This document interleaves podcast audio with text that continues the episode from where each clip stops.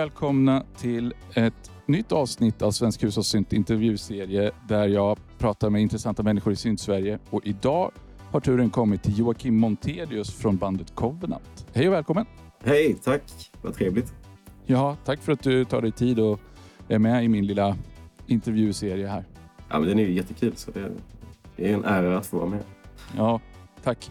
Hörru du, eh, ni är ju ett band som har funnits med mig i hela min, vad ska man säga, musikaliska resa från, från eh, identitetssökande ungdom till, till småbarnsfar och, och på något sätt lugnare och, och mer etablerad vuxen. Eh, jag antar att det har hänt mycket i era liv under hela den här resan också?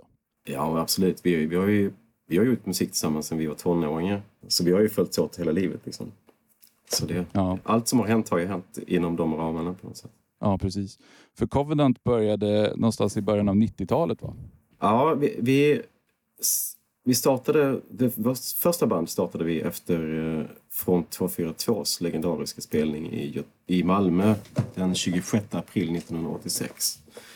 Så den 27 Oj. april så startade vi vårt första band i, i Eskils källare. Men, men Covenant kom inte riktigt till förrän i början av 90-talet och vi räknar 92 som startåret för då släpptes eh, Memento Materia-samling eh, Autumn Leaves med vår första publicerade låt. Det. Så det, det är för enkelhetens skull så har vi valt 92. Så för, var det 40 år? Ja. Nej, 30. 30. Ja, 30 år. Ja, det är helt otroligt. Ja. Men vad var det som sporrade er att starta ett eget band efter frontspelningen? vad var tanken?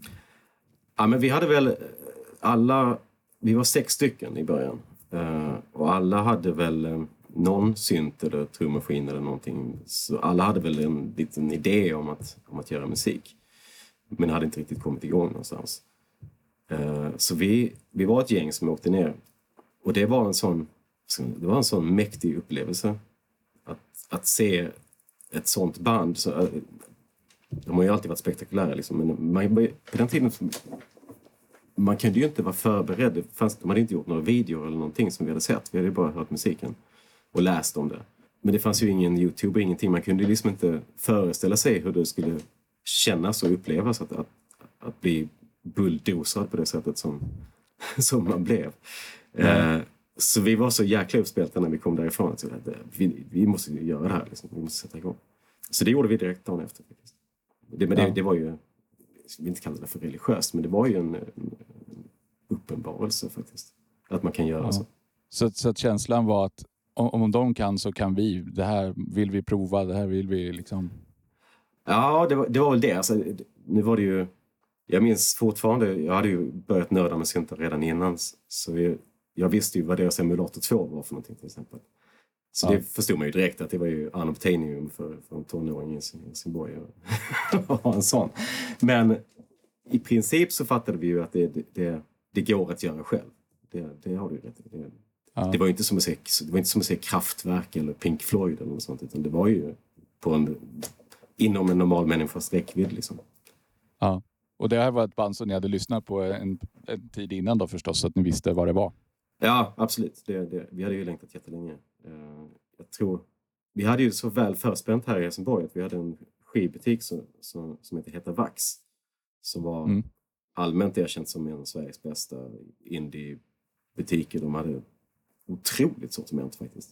Det var egentligen gamla blueskillar som, eh, som de hade bara som sjuk koll på allting. De hade Skinny Puppy, Front och sådana grejer redan 84, 85. Ja. Där. Så vi hängde ju där liksom hela tiden och bara, fort hon fick in någonting nytt så kollade man upp det. det eh, vi var väl ett gäng på 15-20 pers som, som var där ofta. Så bytte man ju ja. skivor med varandra. Så, så det, vi upptäckte väldigt mycket grejer där. Och, och, då hade du redan kommit i kontakt med elektronisk musik och var intresserad av det sedan, sedan länge då, förstår jag? Ja, absolut. Det, eh, jag hade min, min aha-upplevelse kom redan 77 när jag var tio, nej, åtta, åtta år gammal var jag då. Vi var på, på ett konstmuseum och såg en, en videoutställning. Det var videokonst var också något helt nytt. 1978, mm. eller 77. Kan det ha varit 78? Det var det kanske. Ja, då någon gång i alla fall, i lågstadiet. Ja. Eh, och då fanns det ett rum där det var en, en videoskärm. Och när jag kom in i det rummet så hörde jag det här klick, klick, klick, klick, klick, klick, klick ljudet i, uh, i Radioactivity, i kraftverk. Ja, just det. Den och sen satte, musiken i, ja, sen satte vi musiken igång. Och jag hade aldrig hört något liknande. Jag hade hört Jarre och sånt hemma hos min styvfar. Men, uh, men ingenting som hade den stämningen och den tonen. Och jag, jag minns, jag gick inte därifrån. Jag satt kvar för det var en loop. Så den spelades om och om, om igen. Jag satt där i en timme säkert. Och när jag kom därifrån så pratade jag med min klasskompis Max som hade en pappa som var väldigt musikintresserad. Och han visste vad Kraftwerk var för någonting. Eh, så jag fick reda på det direkt. Och det, då önskade jag mig en Kraftwerk-platta när jag fyllde år, några månader senare. Men då fick jag Man Machine, för den hade precis kommit ut. Så det, det måste ha varit 78, eller hur? Oj. Den kom 78. Eh. Jo, den kom 78. Ja, 78 var det. Och jag var så jävla besviken för det var, Radioactivity var inte med på den. nej, nej och, det var ju, det, och det är en ganska annorlunda skiva också. Ja, absolut. Det var ju något helt annat. Men det var fint ändå. Liksom. Men det, den där känslan med just Radioactivity, det var någonting speciellt. Ja. Uh, så det låg med mig länge. Liksom. Men då var det ju, det var ju science fiction. Liksom. Vi gick inte att föreställa sig att man kunde köpa en synt själv. Men jag kommer också ihåg att när, när mina klasskamrater höll på att spela gitarr med tennisracketar så byggde jag stora syntar med liksom högar med böcker och målade tangenter. Jag visste inte ens vilken ordning de var i. Utan, ja. du, du bara det skulle bara se ut, som, skulle se ut som maskiner. Ja. Liksom. Ja. Uh, gamla kretskort och grejer hade jag också. Så det, det, det, det slog hårt i mig direkt. Ja, det måste du verkligen ha gjort. Djup påverkan. Så jag, ja, precis. Så jag ville ju jättegärna ha en synt. Och då sa, sa min far att jag skulle få en synt om jag lärde mig spela piano. Men jag tyckte mm. det var så uselt att komma med sådana motkrav. Så, så jag sket i pianolektionerna och eh, sparade som en galning i flera år. Och sen ja. köpte jag lite grejer själv. Fan vad roligt. Och jag, alltså jag älskar sådana här historier om just hur man, hur man liksom får som en religiös upplevelse eller som, en, som en, någonting som hugger tag i en och som, som man efteråt känner att vad fan, det där, efter den dagen var inte livet likadant längre. Ja, eller hur? Det, det, det är en otrolig upplevelse. Och jag tror ja. nästan alla som pysslar med musik har haft en sån. På ett ja, annat sätt, ja. det tror jag.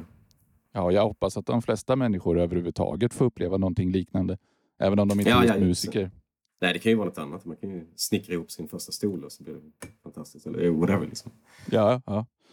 Men, men äm, tror du att det finns något specifikt drag som förenar musiker?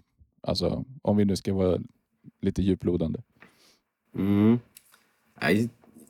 Jag, har, jag har ju noterat att, att eh, jag har ju träffat många eh, musiker i, under min karriär. Men eh, ja, alltså, jag, jag, tror att, att människor som spelar själva eller gör musik eller på något vis liksom pysslar med, med, med ljud. Jag tror att vi alla liksom på något vis orienterar oss i, i ljud på ett mm. sätt.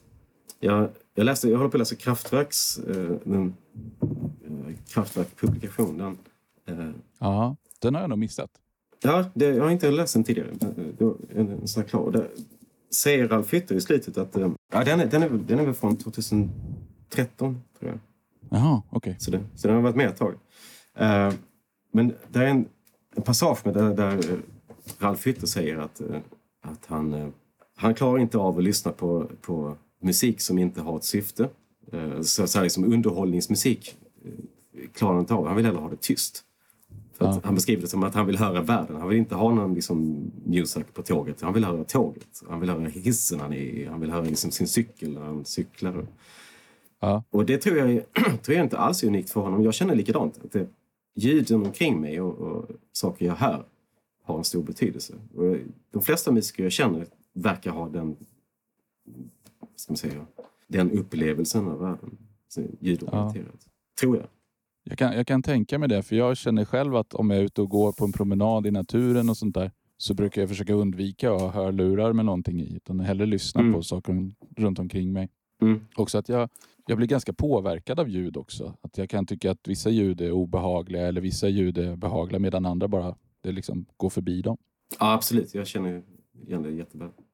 Framförallt obehagliga ljud är ju verkligen är fysiskt påfrestande. Ja, precis. Det mår man bra av. Har, och det är också lite roligt, för när man håller på med syntar då så har man ju en tendens att vrida fram ljud som man själv gillar. Mm. Och, och, Det gör att jag medvetet eller omedvetet, men så fort jag börjar gå mot ljud som jag tycker är obehagliga och jobbiga, kanske eh, jättestark frekvensmodulation eller någonting som är hårt och, och jobbigt, då, då fortsätter jag inte undersöka det utan jag backar väldigt fort tillbaka till min egen komfortzon eller vad man ska säga. Ah, Okej, okay. ah, så, så, så gör inte jag. jag. Jag brukar försöka pusha mig själv lite. Ja. Men det är klart, vissa ljud är så här som jag brukar skoja om. Amerikanska polybrass-ljud Mm. får mig att bli kräkfärdig. Det klarar jag absolut inte av. det är hemskt. Så, så när man sätter på sin OBXA och, och räcker på med Ja, ja, då, då, då får man ge mig eh, öronpluggar. då går du hem. Men Ja. jag, jag har kommit på mig själv också med att hitta så här, eh, alltså självsvängningsfrekvenser. Typ om man, jag stod på badhuset och duschade någon gång med mina barn och så började jag humma lite. Eller jag pratade med dem. Så hittade jag den här frekvensen som precis självsvängde i, i, i duschbåset. Så jag hummade den Ja, det- så att det började vibrera skithögt. Ja, det, ja, det är ju magiskt. Jag och Eskil eh, upptäckte det ganska, för det var jättelänge sedan. Men de byggde ett eh, stort underjordiskt garage här i stan. Ja. Och när de höll på att bygga den så var det en, liksom, jag kan inte hur stort det är, men det, det är många tusen kvadratmeter. Bara betong. Eh, så vi tog oss ner där nere för att försöka hitta självsvängningsfrekvensen Ja. i det stora rummet. Och det, det gjorde vi till slut efter en del letande. Och vi stod där och det, det var helt sjukt. Men helt normalt samtal. så, Mm, inte Ja. starkare än så. Och när man till slut fick det att börja självsvänga, hela rummet skakade. Alltså det, Ja. det var som man skulle tro att det skulle börja kollapsa. Liksom. Det är asmäktigt. Otroligt häftigt. Ja, verkligen. Ja. Och så just att man kan göra det med så små medel också. Ja, ja det är sjukt. Ett ställe jag jobbade på hade två enorma trapphus. Och där var det som fruktansvärt rumsklang, alltså reverb. Som, som, så att jag, bruk, jag kunde ju aldrig gå i de där trapporna utan att klappa händerna en massa och bara lyssna för att det liksom ekade. Ja, det är schysst. Så, ja, jag älskar det där. Eh, Men vilken var din första synt då, som du köpte där? Som du gnetade ihop till? Ja, jag köpte en eh, Juno 106 eh, och en TR707. Köpte jag nya på Hallmens musik i Helsingborg. Men jag blev genast besviken på, på Junon faktiskt. Jag tyckte inte den var, den lät inte så kul.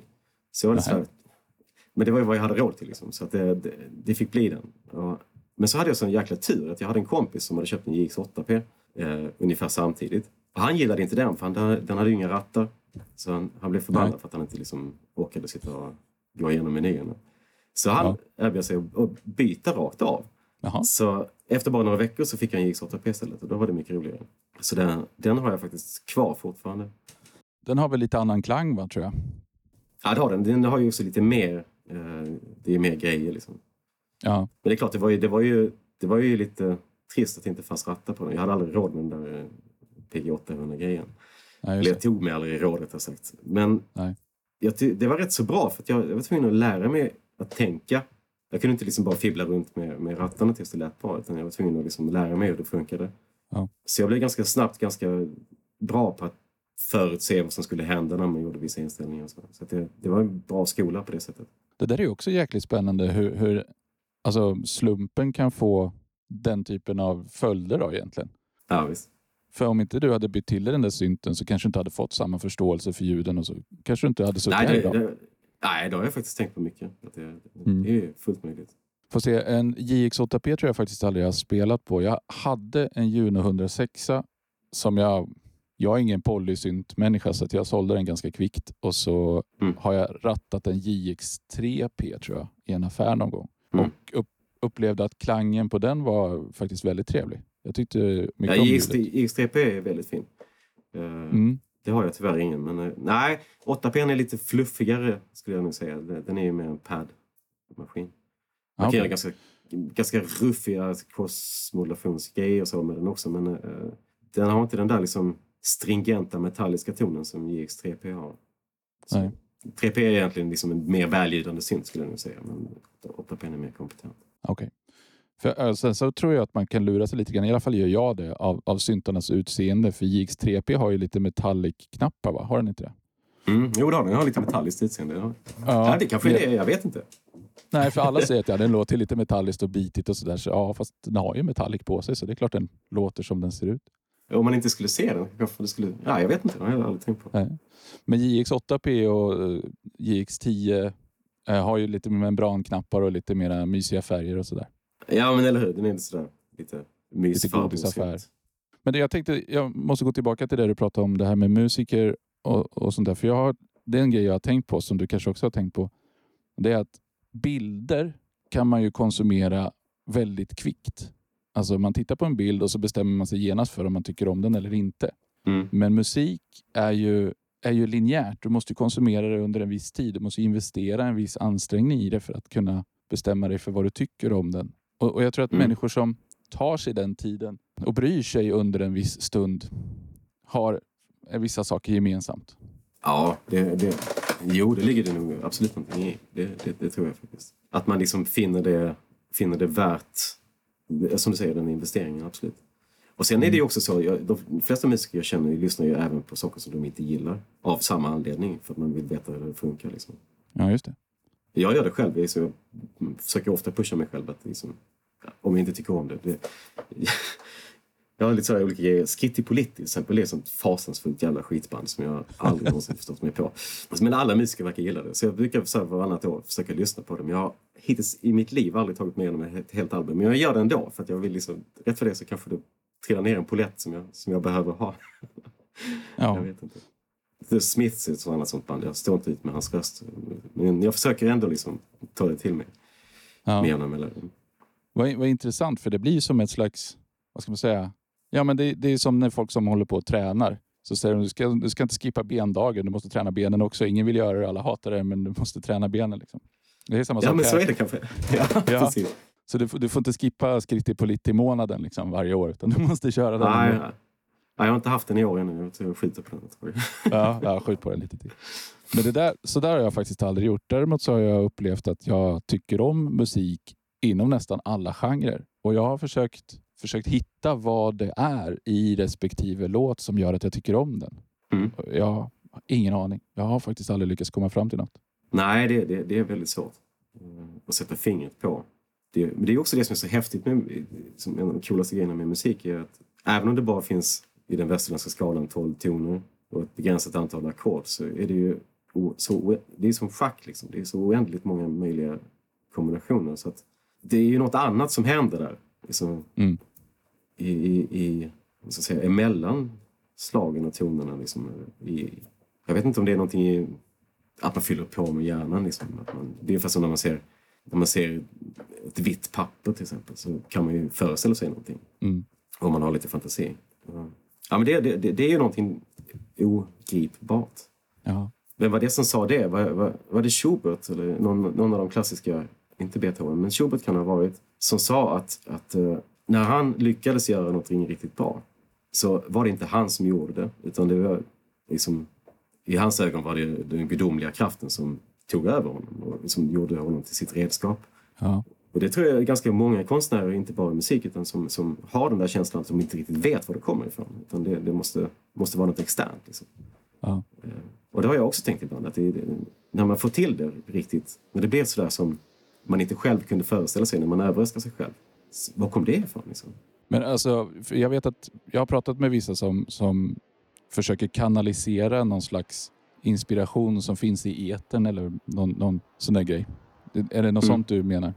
Så jag, vill, jag vill inte säga att jag, är- jag är ju ganska ateistiskt lagd så det, jag, jag skulle inte säga att det är något gudomligt. Men Bob Moog sa någon gång när, eh, att han inte heller riktigt visste hur han gjorde sina lösningar. Utan han sa att när han kom på något riktigt bra så var det som att han var i kontakt med, med, med, med det kollektiva medvetandet eller någonting. Eh, Ja.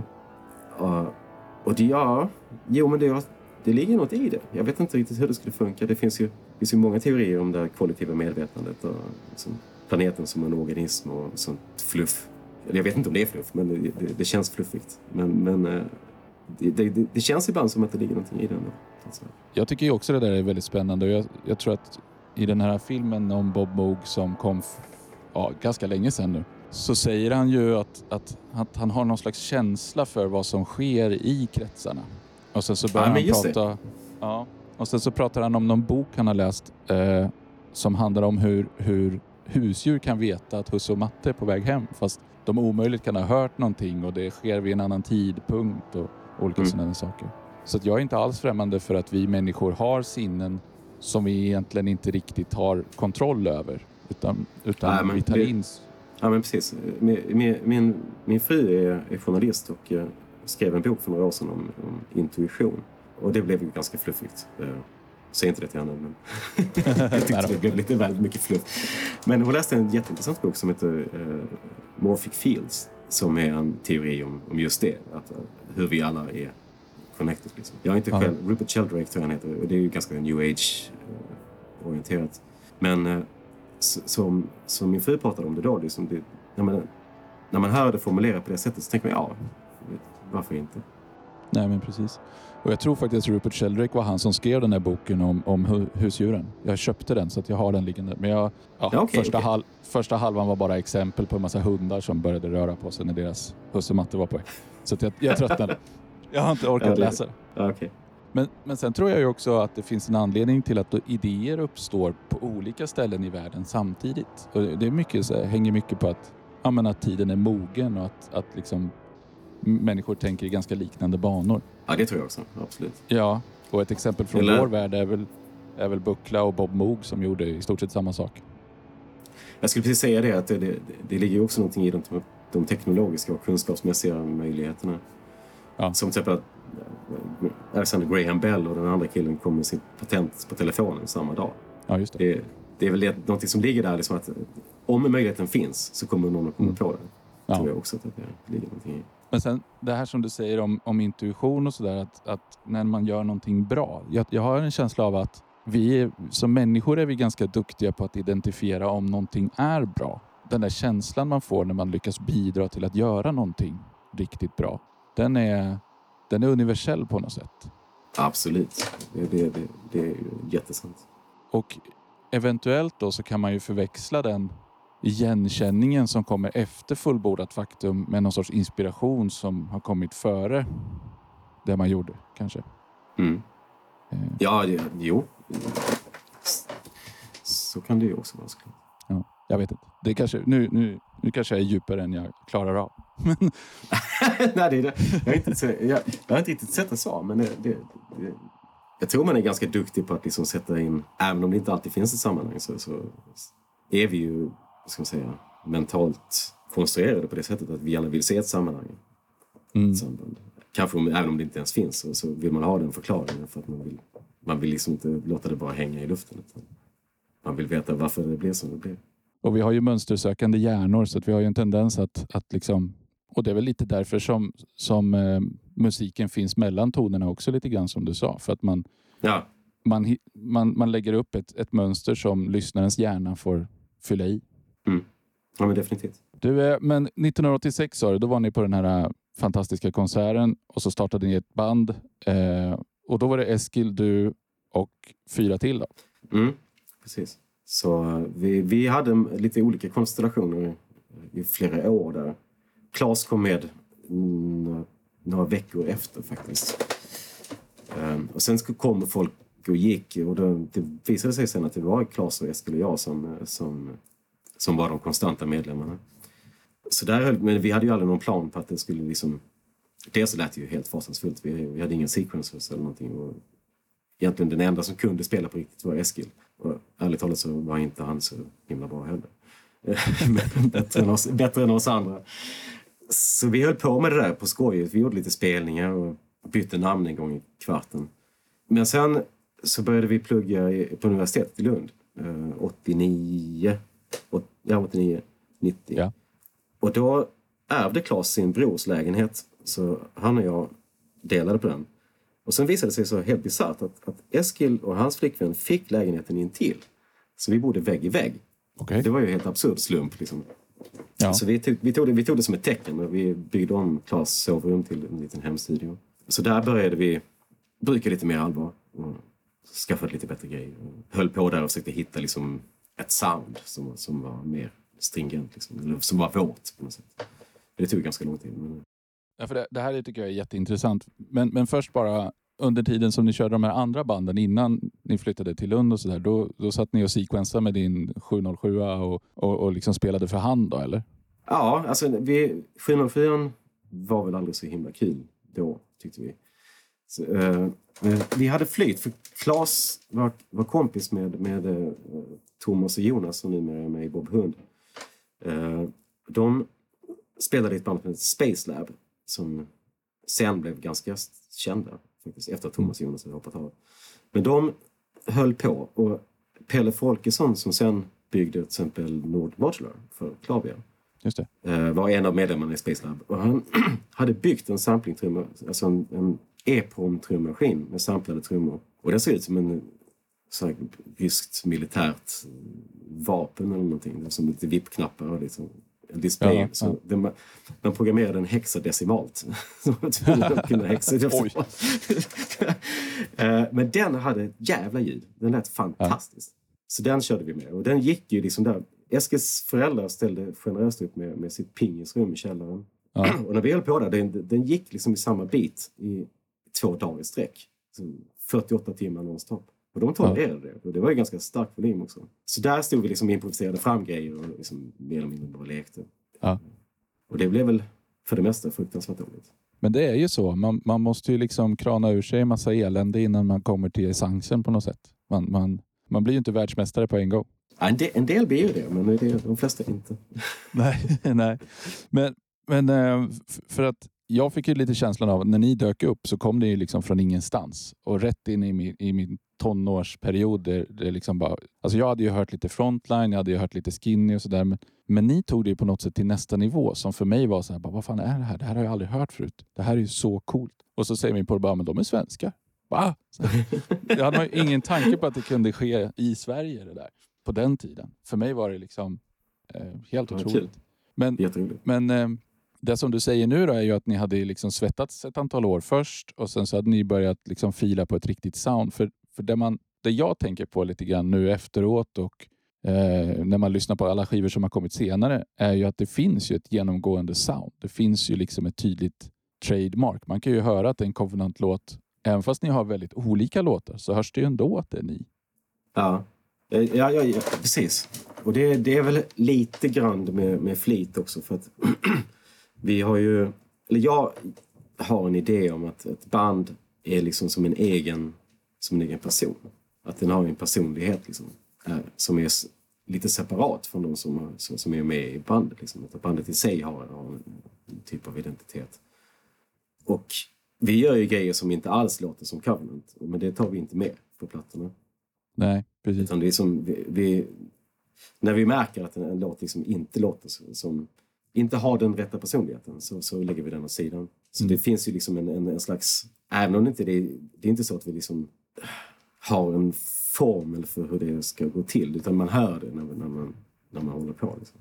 Ja. Så det har man väl, så har väl alla som, som håller på med ljuddesign och sånt har ju också personliga preferenser såklart. Men här är det lite grann på ljudbilden tycker jag kanske.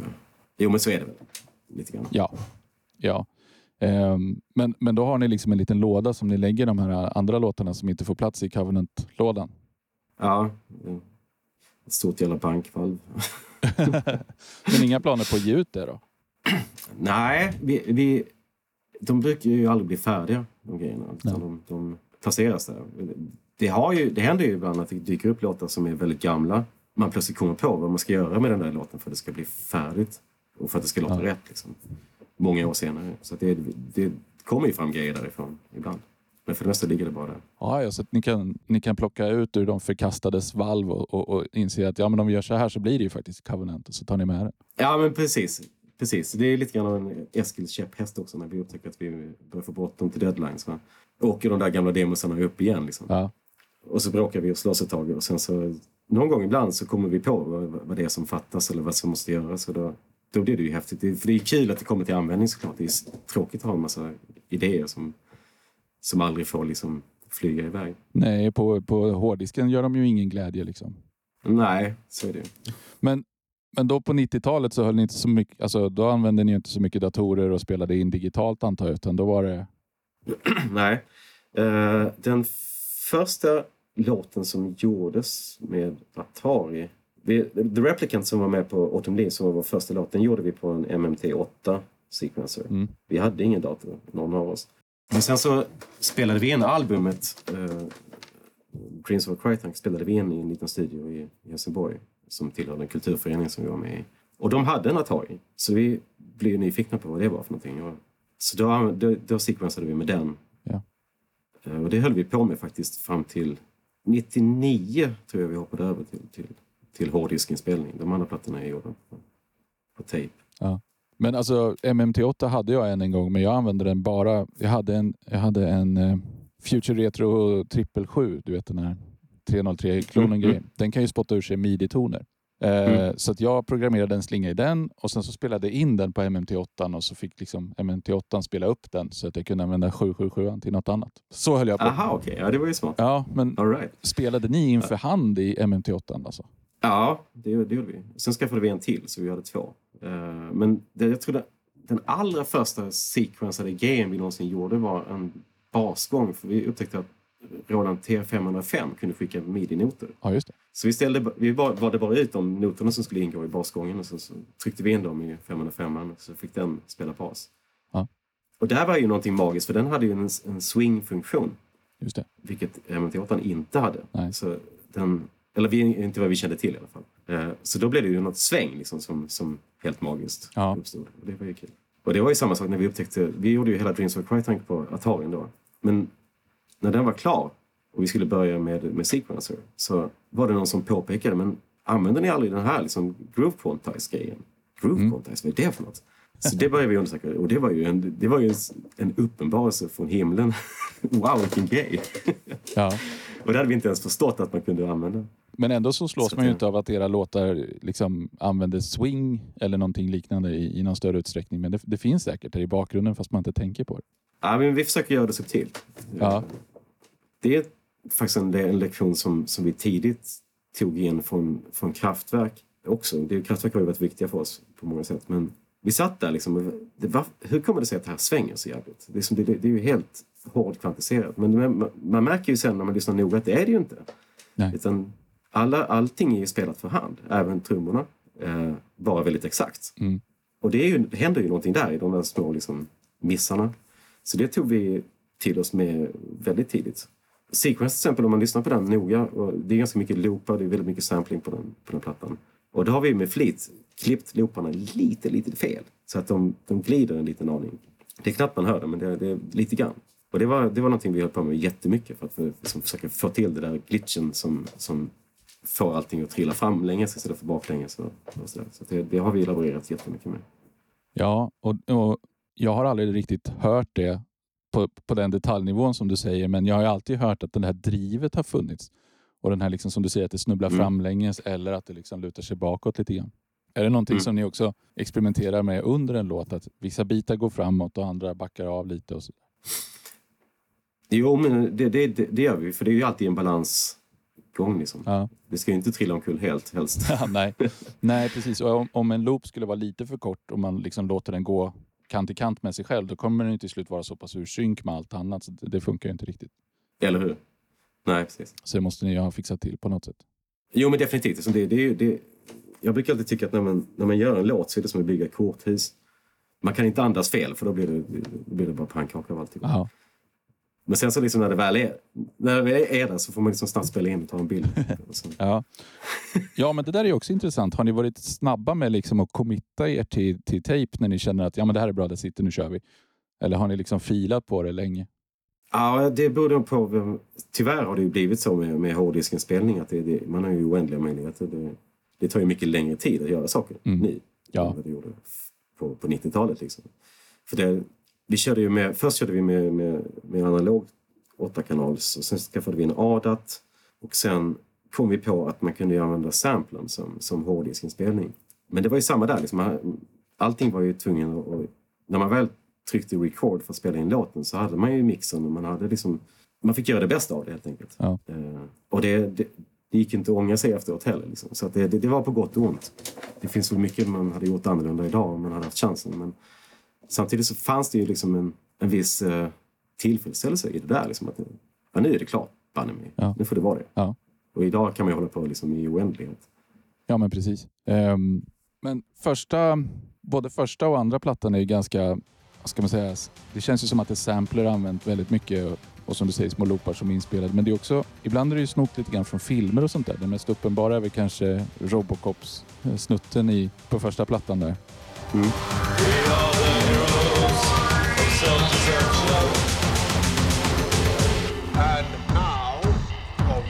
Nutrition.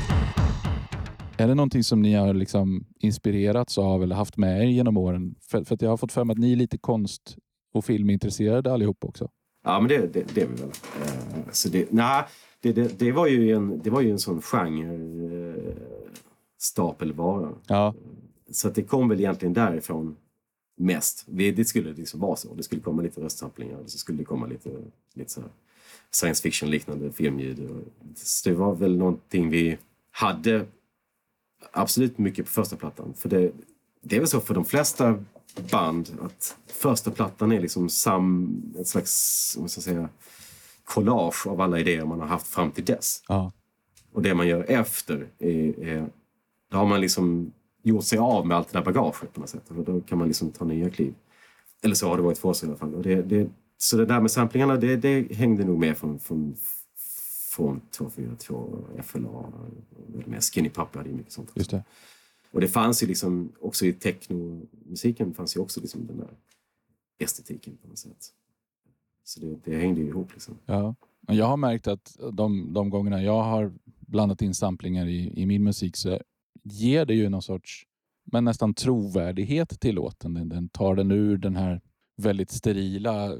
Alltså om, om, om ljudet aldrig lämnar syntarna eller datorn så har du ju liksom ingen, ingen utifrån påverkan. Men om du tar ett inspelat ljud Mm. eller, eller en sampling eller en röst eller någonting, då, då får du helt plötsligt en tyngd på det på något sätt. Ja, men absolut. En- Det, definitivt. För det, har- det har vi alltid varit noga med. Att det, det, det finns liksom akustiska ljud i nästan alla låtar. Ja.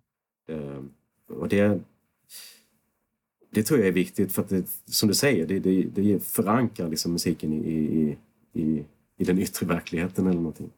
Det, det, så är det absolut. Och jag kommer det läste jag också om i någon kraftverkbok att Conny Plank brukade göra sådana grejer att han mickade upp syntarna. Ja. Eh, Så han förstärkte upp det med en gitarrförstärkare eller någonting och mickade och spelade in det i princip samma ljud som det var. Så det är inte liksom någon dist eller så, utan så rent som möjligt. Mm. Men det skulle liksom ha passerat genom luften, tyckte han. ja, Och det, det, det ligger någonting i det. det tror jag definitivt det gör. Det ger en slags autenticitet, autenticitet till, till ljudet. Ja. som Mm. inte finns där annars. Men då när det, det släppte loss där på, på 90-talet efter första albumet så var ni ute och spelade live ganska mycket va? Mm. Jag hörde talas om, om eh, spelningar när ni hade massa sopsäckar på er i olika alien-utstyrslar och grejer på, på scen. Ja, det, det, det skulle ju föreställa rymdsamurajer. Men eh, Ja, när, folk började förstå, när folk började förstå hur vi gjorde dem så var det inte så kul längre. ville inte bli det där bandet, det där bandet i sopsäckarna. Liksom. Nej. Ju, jag hörde ju om det som att det var jävligt coolt och jag var lite för liten för att komma iväg på era spelningar då. Så att jag, första gången jag såg er var på Arvika-festivalen tror jag. Eh, Mm. Och då hade Sequencer-plattan kommit, så då hade ni dragit ner på det där lite.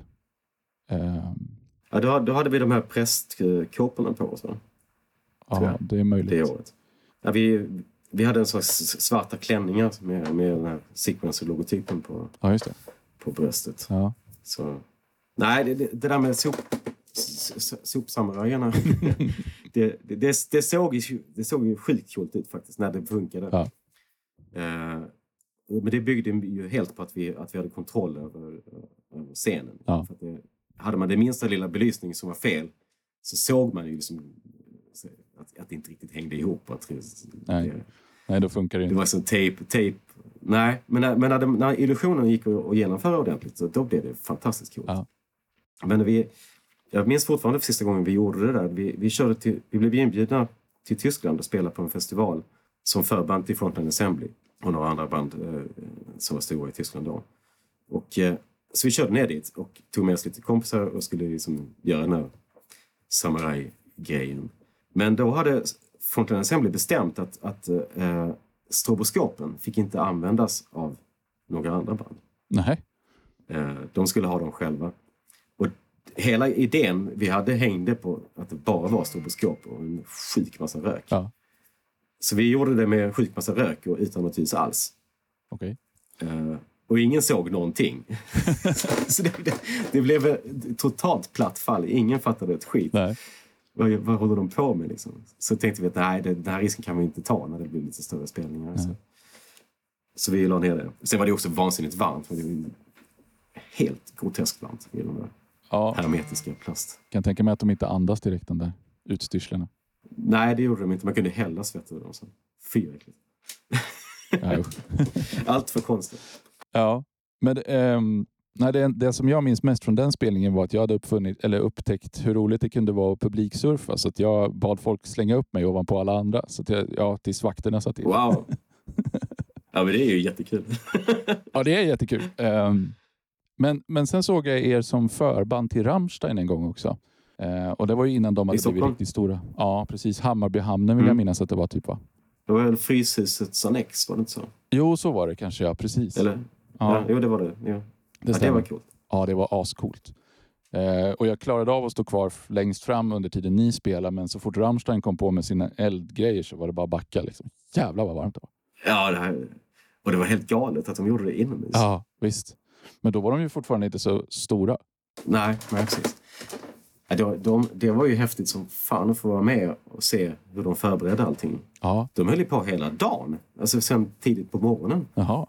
Hela, alla sex liksom sprang runt och liksom bara jobbade som, som, som galningar hela dagen. För att få till hela showen. Liksom. De stod, liksom upp, stod och pumpade upp den där flotten Ja. eh, för hand. Och, så, det, det, Ja, just, riktigt dedikerade killar. ja, just det. För att de skickade ut han keyboardisten Flake i den där och påstod att det var hans födelsedag. Så alla höll på.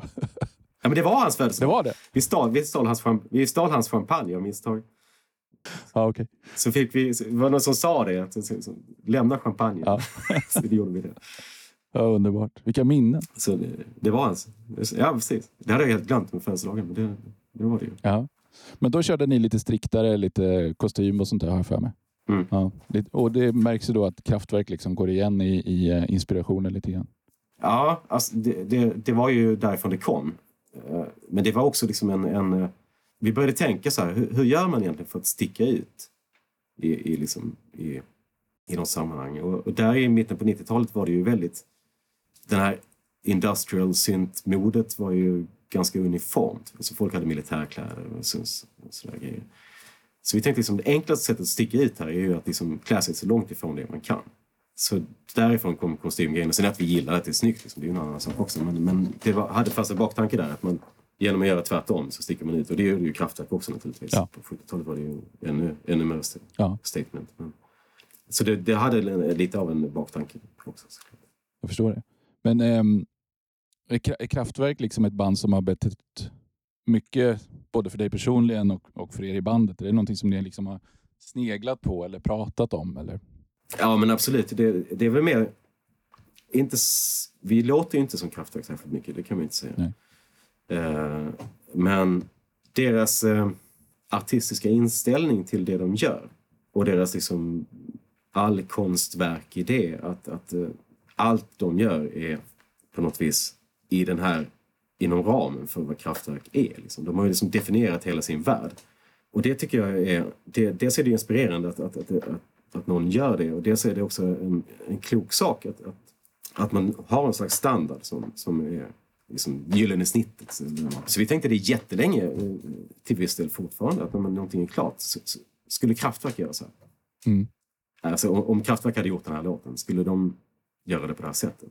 Om svaret blir nej, så brukar jag tänka att då har vi gjort något fel. Ja. Så, Eh, så då ska inte ni heller göra det? det, det är lite... Det, nej, det, det, det blir lite löst tolkat, men, men att man har liksom en, en slags referensram kan man säga. Till. Och det har ju vi, skulle jag säga, att vi har satt upp lite grann för oss själva också. Även om det inte är så tydligt formulerat så, så, så är det för mig det som är idealet. Att man, Kraftwerk är ett idealtillstånd. Ja. Men hur ser du då på band som förändrar sig väldigt mycket eh, över tid? då? Ja, men det är helt okej. För, förändring är ju viktigt. Det, det har ju vi gjort själva också. Eh, hoppas jag. Att det, det, det, är ju, det är också det är ett honnörsord vi har också. Att, eh, allting är i konstant föränderlighet. Liksom. Förändring eller väg framåt är, måste alltid vara... Det måste alltid gå någonstans Mm. där vi inte har varit tidigare. Så det, förändring är viktigt. Sen beror det på kanske hur mycket radikala hopp man vill ta. Tyvärr är det så att de flesta band som gör radikala förändringar sällan gör det åt rätt håll. Nej. Eh, det, det, jag, jag, förstår jättemycket den där driften att bryta med, liksom med, med någonting och att man går vidare i livet och hela den biten. Men det, sen är det väl klart, jag vet inte, det beror på var man, var man träffar på bandet i dess karriär. Just det. Jag menar om man, om man till exempel skulle upptäcka Eurythmics när de plötsligt skulle bli liksom eh, gospel stadium rockare Mm. och gillade det så gillar man kanske inte de första två plattorna. Medan om man är som jag då tycker att allting efter den andra plattan är fruktansvärt dåligt. Mm. Så kanske det är också. Ja. För jag har ju alltid känt lite grann att, att ett band som har släppt en bra platta bör fortsätta släppa bra plattor på det sättet. Och, och, och vill de göra annan musik som är annorlunda så får de starta ett nytt band. Det kan väl vara samma personer men de gör ett, startar ett nytt band. Men då är det ju svårt med varumärken och skivkontrakt och alla de där bitarna säkert. Men jag tänker som till exempel då Nitzrebs uh, eh, That Total Age är ju är liksom verkligen en sån här grundpelare i mycket jag har lyssnat på. Men deras plattor efteråt, eh, även om vissa låtar är bra så är det inte alls samma typ av musik. Nej, det, det, var ju, det var ju väldigt radikalt brott. Ja. Eh, Det var det, verkligen. Men det har ju nog också lite grann att göra med att de första plattorna är så extremt stringenta. Det är, de, det är ju också kraftverk på något sätt. Liksom. Det är otroligt tydlig formel. Ja, Nej, men jag håller med. Det, det, jag, jag tyckte också det kändes väldigt märkligt. Framförallt när Ebbhead kom. Det- Då förlorade de mig för helt. Ja. What? ja. Men, men, men vissa plattor liksom efteråt som sagt är ju ganska bra men, men det är inte samma band. Liksom. Jag upplever det inte så. Nej. Och, och likadant Depeche Mode har ju gjort en, Nej. en, en resa får man väl säga. Där det finns skivor som folk gillar och ogillar i, i olika omgångar. Men, men på något sätt så är det inte riktigt för mig samma band. Riktigt. Nej. Nej. Fast i deras fall så hände ju det redan efter första plattan. Ja, Och man kan ju knappt jämföra den, den första Spiken spel med de andra. Liksom. nej. Men det var väl för att Vince slutade. Det, är, ju- det är ju inte heller samma band. Nej. Du, eh, jag måste bara återgå till det här som vi pratade om förut med eh, programmerat sväng och, och den här känslan av grejer. Det finns, kommer du ihåg den här Levi's-reklamen med den här gula dockan som headbanga? Eh, det var Mr. Oiseau som gjorde, eller Mr. Wizzo som Mr. Wazo, ja. Just det. Ja, den där, Just det. um, Flat Eric heter den där dockan. Ja, jag har en sån. Du har en sån? Ja, det är klart jag har. Den är ju Ja. ascool. Men har du hört hela hans platta? Ja, Ja, och den svänger ju något fruktansvärt. ja det är den. Och, och det är ju helt Verkligen. och hållet programmerat på någon sampler med, med någon... Alltså, den är inte så jättefint inspelad. Det är väldigt mycket lek och, och bus och, och inte så bra ljudkvalitet Mm, hela gången. mm. men men eh, alltså jag fattar inte hur den har fått till svänget. Nej, det fattar faktiskt inte jag heller. Det, Och det, är helt crazy. Han är fransman, det är väl det. ja, det måste vara det. Fast hans efterkommande plattor är helt värdelösa. De har inte alls samma grej. Ja. Eh, Ja, nej. Nej, det, var, det, det, det är en sån one of a kind platta. Ja, och när man lyssnar på den så, så hör man ju att till och med bruset svänger. Han har ju spelat in en sån här vinylbrus och så har han loopat det så att det svänger. Mm, mm, mm. jag, var, jag var på um, en sån här klubbspelning. Heter Stockholm Electronic Music någonting. För några år sedan och då spelade Infected Mushroom ett set. Mm. Och helt plötsligt så drar de in en av hans låtar mitt i alltihopa. Så Okej. all bas försvinner ju Mm. bara och så hör man ju den här 606 och sen det här svänget. Och man bara, vad fan? Och, och nästan hela dansgolvet stannar upp för ingen har ju hört den där.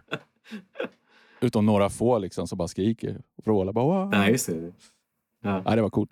Ja. Eh, men du, vi återgår lite grann till kronologin här då. Ni får skivkontrakt ganska snabbt efter första Autumn-livslåten där och ger ut första plattan på eh, Memento Materia, var det det? Mm, mm. Yes. Och då ger ni upp studierna eller och blir musiker på heltid? Nej. Nej, det tog ett tag innan vi, innan vi tog det steget. Vi, vi pluggade, vi, eller Eskil och Klas pluggade vidare. Jag hoppade av eh, däremellan, eller jag tog en paus rättare sagt. Så när vi gjorde Sequencer så, så jobbade jag på ett tryckeri. Faktiskt. Jaha. Men eh, det, Sequencer är nästan, eller till 90 procent gjord av Eskil själv. Visserligen med grejer som vi hade gjort tillsammans, men han, han, han, var, han bodde i studion i tre månader och gjorde klart det där på sommarlovet. Så när, när började vi... Ja, vi fick ju inte ekonomi i det hela förrän efter Europa. Nähä. United States of Mind-tiden där började bli så att vi kunde leva på det. Eh, innan dess det, så var det ju mest... Så det, det gick ju bättre och bättre hela tiden. Men det mesta av 90-talet var nollsummespel. Ja, bara för att gå ihop liksom. Mm. Ja, för jag, jag hade fått för mig att ni eh, aldrig, aldrig behövde ta ett riktigt, riktigt, ett vanligt jobb. Nej, det kan man väl inte säga riktigt. Vi, vi, Nej, men vi hade ju flyt också för vi, vi, eh, vår studio låg i, i en kulturförening som vi drev. Och, eh, det gör den faktiskt fortfarande. Eh, men nu måste vi betala för den. Men vi hade ingen hyra för den eh, under nästan hela vår karriär. Och det har ju såklart gjort att man kan jobba när man vill. Mm. Och har möjlighet och har tid. Men framförallt från det att vi började kunde turnera som, som i eget namn så gick det att få ekonomi i grejer också. Ja. Uh, för det, det var ju där pengarna var. Liksom. I turneringen? Mm, I första hand, absolut. Ja. För, men som yrkesmusiker då, när man har ett skivkontrakt, och man, så här, hur, hur ser en vanlig dag ut? Alltså, hur, hur sköter man disciplinen? Hur, hur låter man bli att bara surfa på Youtube och 99 musik? Och, och... Ja, men det, det, det, är ju det är såklart svårt. Under största delen av, av, av vår i alla fall början så fanns ju inte sådana distraktioner riktigt. Uh, men nej, men det, det, det flyter ju liksom på sig själv. Nu, nu har inte jag turnerat på, på tio år nej. så jag gör ju egentligen helt andra grejer. Och jag kan ju inte leva på musiken nu. Det, det går inte. Så jag måste ju dra in pengar på annat håll uh, nu för tiden. Uh, för nu, nu är det ju nästan helt omöjligt. Kan man inte turnera så vet jag inte hur det ska gå ihop faktiskt. Nej. Det, det är riktigt tufft. Eh, men då, då gjorde vi ju en platta ungefär varannat år och sen turnerade vi resten av tiden. Eh, så när det var som mest aktivt från kanske 98 till 2006, 2007 där någonstans så var, var vi på resande fot halva året. Ja. Eh, nästan konstant. Så det gick ju åt väldigt mycket tid på att, att bara resa fram och tillbaka. Ja, ja absolut. så då är, det, då är det ju inga Ja, det är inga stora, det, man, man har inte så mycket problem med att rulla tummarna för man är ju alltid på väg någonstans. Ja. Och sen, sen tog vi ju långa perioder när vi inte gjorde någonting också. Så det var ju otroligt lyxigt på det sättet. Men, att det fanns liksom ingen piska på en att, att nu måste vi liksom precis, prestera saker hela tiden. Men ingår inte det i skivkontraktet då, då att man ska ha en ny skiva och, och lite sådana där förväntningar liksom, som kan ja, antingen piska eller det beror lite grann på hur man lägger upp det. Vi har ju all, aldrig skrivit kontrakt på mer än ett album i taget. Just med den där baktanken att vi vill inte fastna. Framförallt så vill vi inte liksom hamna i en situation där man måste göra grejer som man inte vill. Nej. Uh, att man blir tvungen att ta artistiska beslut som, som, uh, som man inte vill ta. Eftersom man har skrivit sitt namn på ett idiotiskt papper. Liksom. Så det, det, det, har vi, det, det hade vi koll på från allra första början. Att vi, vi tar hellre tar hellre en större ekonomisk risk än att vi hamnar i en situation liksom där, där, vi måste lägga ner för att vi inte kan, kan eh, gå med på förutsättningarna som, som gäller. Um, och det, vi har också bytt skivbolag många gånger mm. under tiden. Så nej, vi har, vi har väl aldrig haft några sådana där... Inte ens, inte ens när vi gjorde Northern Light med, med majorbolag så hade vi någon sån typ av deadline. Vi förväntades väl prestera inom en viss tid men vi jobbade ju med den i, i över sex månader. Och det var ju längre än vad bolaget hade tänkt sig. Men de sa ingenting faktiskt. De, de accepterade det. Ja, sex månader tycker inte jag låter så jättelångt för en skiva ändå. Alltså. Nej, då var den skriven och klar. Alltså den, ah, okay. den spelades in. Det tog sex månader att spela in. Ah, ja. Ja, det kan så då var alla låtar färdiga. Ja. Har ni skött eh, mixning och, och, mastering och sånt själva eller har ni fått det utlagt? Nej, det har vi, eh, mixning har vi, utom Northern Light då, som ju spelades in i, i Tillsammans med Jakob Hellner som också gjorde Rammstein och, och, så. Så där skötte de ju mixningen, men vi var ju med när det gjordes. Ja. Annars har vi skött allting själva, men mastering har vi aldrig gjort. Nej. Jag tror inte alls att det är en bra idé att mastra sina egna grejer. Jag tror inte heller det. Jag, jag... Nej. Och i, i många fall, ja, som elektronisk musiker så tror jag att det är helt okej okay att mixa lite grann själv. Men, men när man har ett mm. band som man har en, en en keyboardist, en sångare, en gitarrist och en basist och alla slåss om utrymmet och ska mixa in sig själv högst. Nej, det, det ska, man inte, ska man inte försöka göra själv. Nej, det, det tror jag är det, dumt. Om ja, men elektronisk musik, då sitter man ju ändå liksom, man mixar ju nästan medan man skriver musiken idag. Ja, men så är det ju absolut. Det, just den här balansen är, det, det är en del av musiken. Ja. Definitivt, liksom, var, var saker och ting finns och hur, när det kommer in och när det kommer ut. Och... Ja hur, hur, hur, olika ljud påverkar varandra. Så det, det är ju, det är ju essentiellt i musik. Precis, och jag upplever ju att det är en ganska medveten tanke i ert sound att allting sitter på sin plats och, och låter som det ska och, och, av, av ett skäl. Liksom. Ja, vi, vi lägger mycket energi och, och tanke på, på mixning. Ja. Och, och då finns ju den här naturliga frågan. Vissa säger ju att en bra låt ska kunna spelas på vilket instrument som helst. Men, men eh, tycker du att det gäller även för er musik? Ja, nu blir jag lite kluven faktiskt. Eh, alltså egentligen tycker jag inte det. Eftersom, eftersom att, som du säger, liksom, ljudbilden är ju liksom det centrala i, i, i, i den typen av musik som, som vi gör. Men samtidigt så har jag hört, eh, jag har hört covers på, på Cameron-låtar som är gjorda med, med gitarr eller piano eller så. Och där hör man ju att det, det liksom, vissa låtar, Dead Stars till exempel, är ju en låt som faktiskt funkar på vilket instrument som helst. Ja. Och det finns, vi har väl ett gäng sådana. Eh, men det är inget självändamål. Det, det tycker jag inte. Nej, Nej precis. Det, det, är ingen sorts universell regel. Det är ingenting man kan säga. Att liksom, jaha, den här funkar inte nej. på vilket instrument som helst. Då är det ingen bra låt. Nej, nej, det, det, det, det håller jag inte alls med om. Men, men det faktum att en låt funkar på andra, andra instrument kan ju vara en ytterligare kvalitetsfaktor kanske? Ja, men det kan det ju. Det, det, det, finns ju ändå någonting i, jag vill inte säga den mänskliga naturen, men, men uh, i de flesta av oss tror jag ändå liksom känner, sig, känner igen sig bättre i en melodisk struktur som, som, som smeker lite medhårs. Ja. De flesta jag känner, utom möjligen Fredrik Segerfalk, har lite svårt för fusion, jazz fusion till exempel. Där liksom alla, alla noter på samma gång hela tiden. Ja. Ja, jag, jag fixar inte det. Liksom. Nej. Och det blir inte bättre oavsett vilket instrument du spelar på. Utan det, det är för mycket av allt. Det kommer aldrig bli bra. Liksom. Jag, jag, brukar kalla det för fuljazzakord. Sådana här nästan disharmoniska grejer som, som, som de spelar lite grann som de själva vill känns det som. Tre musiker som bara spelar sin egen grej. Ja men, ja, men eller hur. Och det, det är sånt som bara tilltalar människor som, som har läst för mycket musikteori. Ja. Fast det roliga är att... Eller, jag, nej, det, det var väldigt orättvist. jag, jag, jag fattar inte det, men, men för dem är det väl kanske... Det finns ju folk som, som på något vis går igång på, på musik som är svår. Ja.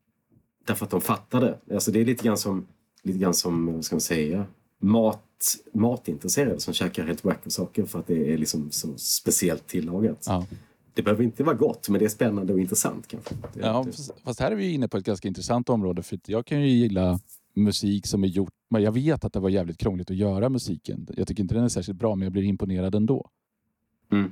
Till exempel gillar jag ju C64-musik, chiptunes och grejer.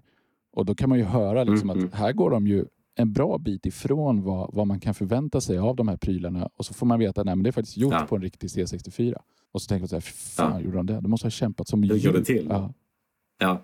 Ja, ja, ja.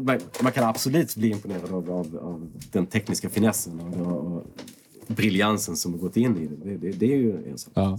Ja. Och, och likadant eh, Wendy Walter Carlos med Switch on Bach. Det vet man ju efteråt att det där var ingen lek att spela in. Det var ju, var ju jäkla krångligt. Nej, herregud.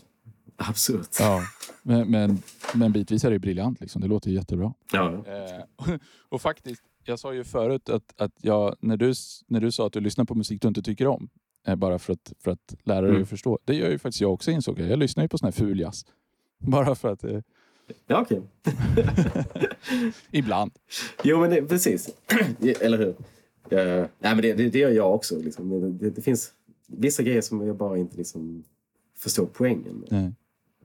Om man säger så. Uh, alltså, då är ju idén liksom att det, det melodiska innehållet är inte det enda som gäller. Liksom att, står du och spelar disharmoniska ackord i, i, i bläckblåsinstrument mm. uh, för länge så är det inte så kul att höra på tycker man om man har mina öron. Liksom. Men, Nej. Det är väl möjligt att, att den som gillar sånt inte fattar vad vi håller på med heller. Så det är, det är också en smaksak såklart. Absolut. Men som du säger, liksom, det, det måste inte kunna... Musik kan ju vara helt... Vad ska man säga? Det befinner sig liksom bara i, i, i huvudet. Och då är det ju den där totala ljudbilden som, som, som, som är musiken. Mm. Tycker jag. Mm. Som en, om man lyssnar på en vaggvisa spelad med en speldosa så är det lugnande. Men om man spelar det på en kazoo så blir det inte så kul. Nej. Det är svårt att somna liksom. Ja, ja nej, men det, jag tror absolut det. Um, men sen när det kommer till fuljazz just så är jag jävligt svag för, för trummor som man spelar på med vispar. Det tycker jag, just det, det ljudet är lite så lugnande och skönt. Det, det är ju supernice. Ja. Visp, Visptrummor är the shit. Visptrummor ja, och ståbas. Fy fan, det är schysst. Det också. Ja. Absolut. Alltså det, jazz lyssnar jag mycket på. Det är det menar det blir sådär enormt komplicerat som, Ja, jo. som jag inte hänger med längre. Men, men definitivt, alltså, Miles Davis 50 och 60-talsgrejer är ju otroligt bra. Mm. Så att det, menar, all jazz är inte ful jazz. Nej, det finns ful och fin jazz. Det kommer, det kommer, nu får jag säkert stryka Fredrik Segerfalk snart. Tur att han är så snäll. Men hörru du, ehm, när man har ett band och man lever på skivkontrakt och turneringar och alla sådana saker. Hur hanterar man ekonomin då? Alltså, menar, som det är nu så måste man ju betala in pension.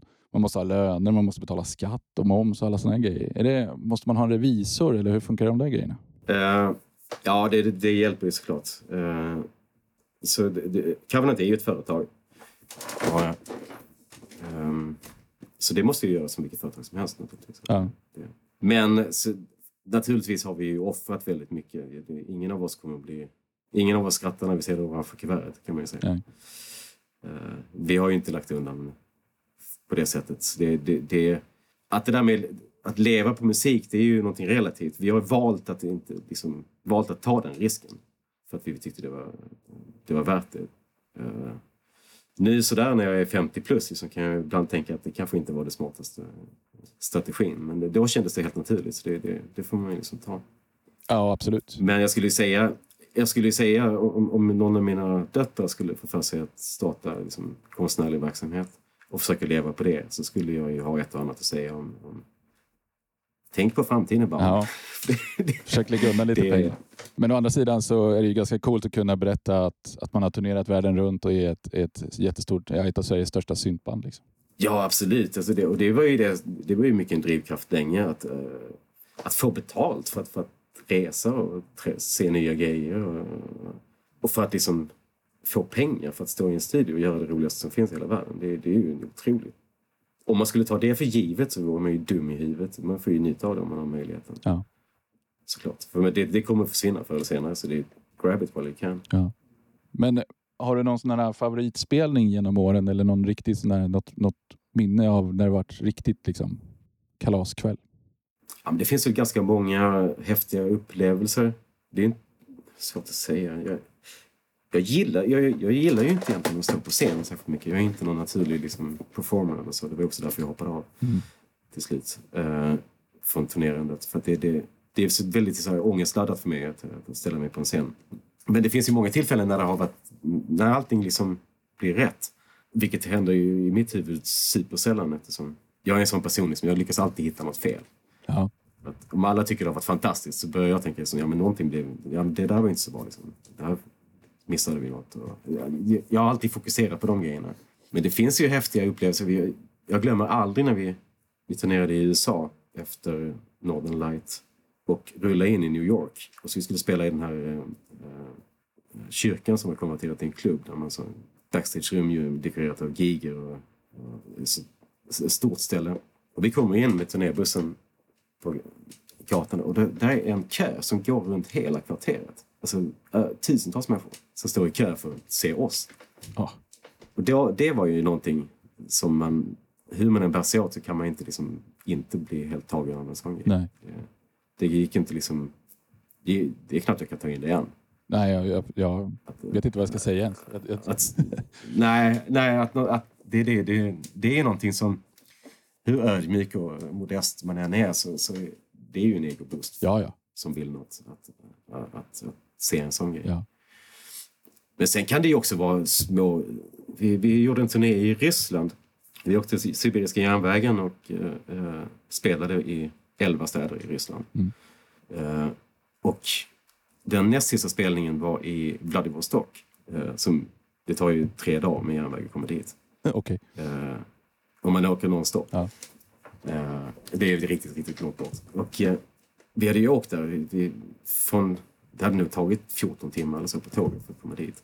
Eh, och vi kom till klubben och det var ett jättestort ställe som de hade stängt av en bit av. Det var nog en sån 5000 personers klubb. Liksom. Vi tänkte shit, det, här kommer ju bli fett. Ja. Och sen på kvällen när vi skulle spela så var det kanske 150 pers Ja, okej. i den här jättelokalen. Och jag tänkte så, herregud, det här blir ju, det här blir ju hemskt. Mm. Men de var så himla glada för att vi hade åkt hela den vägen.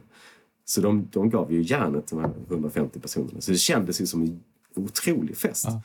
De var så tacksamma att någon släpade sig hela vägen till där de bodde för, för att spela.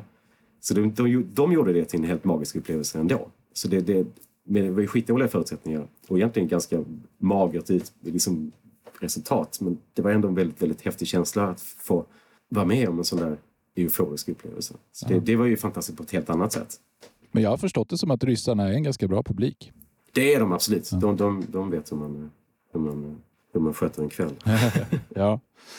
Ja, men alltså, det är ju kul också när man får den här, vad ska man säga, ja, men en, en liten kontakt med publiken och får lite känsla av liksom, samman, samhörighet. Liksom. Ja, men det, det, det är så. Det, det, skulle nog alla säga som, som, som stått på en scen. Att när man får den där... Vi kallade ju vårt första livealbum för Synergy och det var ju just den grejen vi var ute efter där. Att när den samverkan blir rätt så är det ju, är ju ett plus ett inte bara två, Nej. utan det blir större. Det, det, det, summan av ingredienserna är större än, än, än... Eller helheten är större än summan av ingredienserna. Ja. Liksom. Ja, men absolut. Och när det händer, när, när, det, när det väl inträffar så är det ju jättehäftigt. Ja. Såklart. Ja, verkligen. Och det är lite intressant det som du pratade om förut, med att musik händer någonstans inuti huvudet på folk. Men det, det händer ju ytterligare någonting när man upplever det där tillsammans med andra. Ja, absolut. absolut. Ja, definitivt. Det, det är någonting primalt. Alltså en, en tribal grej, liksom, Ja. tror jag. Ja. Och, och Det handlar ju också om tillfälle och situationer och vart man är i livet och sådär. Men ofta så, om man, jag har gått på både så här, um, transfestivaler och på spelningar med specifika band. Och är man på en spelning med ett band som betyder mycket för en själv, man sjunger med i låtarna, texterna är starka och allting sånt där, då är det en enorm upplevelse. Och sådana här DJ-festivaler brukar de ju liksom lägga vid en sandstrand när, när liksom solen går ner och fyrverkerier och lite sådana där saker. Och då blir det en sån annan typ av Mm. upplevelse. Ja, ja, absolut. absolut. Men det, det, det var ju någonting som vi väldigt tidigt... eh, Vi hade flyt som bodde i Helsingborg. För det, det, ravekulturen kom hit väldigt tidigt. Redan 89-90. Ja. Så vi var ju på sådana här eh, som warehouse raves och, eh, när det väl började. Och det är precis som du säger, den här liksom bisarra känslan av att bara dansa runt i en, Mm. i en stor lokal med en herrans massa andra människor. Där händer ju någonting där också. Ja. Det, det finns ju någonting där som, som, som ligger djupt i, i, i, i ens undermedvetna eller vad, Ja. vad det nu kommer ifrån. Eller är det instinkter eller någonting? Att, att röra sig och att lyssna på musik tillsammans med andra människor, det, det, det, det händer ju något. Ja, jag tycker det är fantastiskt. Tveklöst. Ehm, men nu, du sa att ni hade er studio i, i en eh, kulturförening. Mm. Så, så ni har inga syntar hemma då, utan ni går iväg dit och så jobbar ni? Liksom. Jo, då, vi, vi har ju hemstudios också. Som, eh, så att jag, jag sitter ju mest hemma nu för tiden, fast jag är den enda som bor i Helsingborg nu för tiden. Jaha. Ja. Så att jag, jag, jag håller i studion också. Men nu har vi precis flyttat eh, igen. Så vi, ska, vi har inte byggt upp studion ännu. Så nu, är de, nu gör jag allting hemma. Men normalt sett så brukar vi spela in sång och producera i studion. Det är väl mest det vi har den till. Ja. Så det mesta av grejerna är, är, är gjort hemma Okej. sen, sen, sen rätt länge. Ja. Och så plockar du bara med det till studion och så sätter ni ihop det liksom till, till någon helhet. Mm, mm. Men har ni skaffat er väldigt mycket prylar genom åren nu då? Till de nya albumen och så? Ja, herregud. ja, det, är, det är helt galet faktiskt. Vi, vi har ju all, i princip aldrig sålt någonting. Nej. Så att jag, jag vet inte hur mycket grejer vi har, men det, det är hundratals syntar. Det är så pass? Och nu ska vi dessutom, nu ska vi dessutom dela studio med, med Felix Segerfalk. Han blir av med kontraktet på sin. Så han ska in där också. Och han har ju ännu mer prylar. Ja. Så jag vet inte riktigt hur vi ska bära oss åt. Vi ska faktiskt ha möte om det nästa vecka för att klura ut hur vi ska börja lösa det. Ja. Det är ju såklart ett jättelyxigt problem, men det, men det är ett problem. Att det är så mycket prylar. Ja. Och det- och då beror det lite grann på liksom hur man vill använda dem. Då. För att om man, antingen så kan man ju ha alltihopa inkopplat och, och, och, så att man kan leka med det när man vill. Eller så tror jag att det var Moog Cookbook jag läste om som i någon intervju där de berättade att de hade alla sina syntar stående i rummet bredvid studion. Och, och sen Mm. när de varit sugna på ett visst ljud då gick de bara och hämtade någon synt som de tyckte var lämplig att göra det på.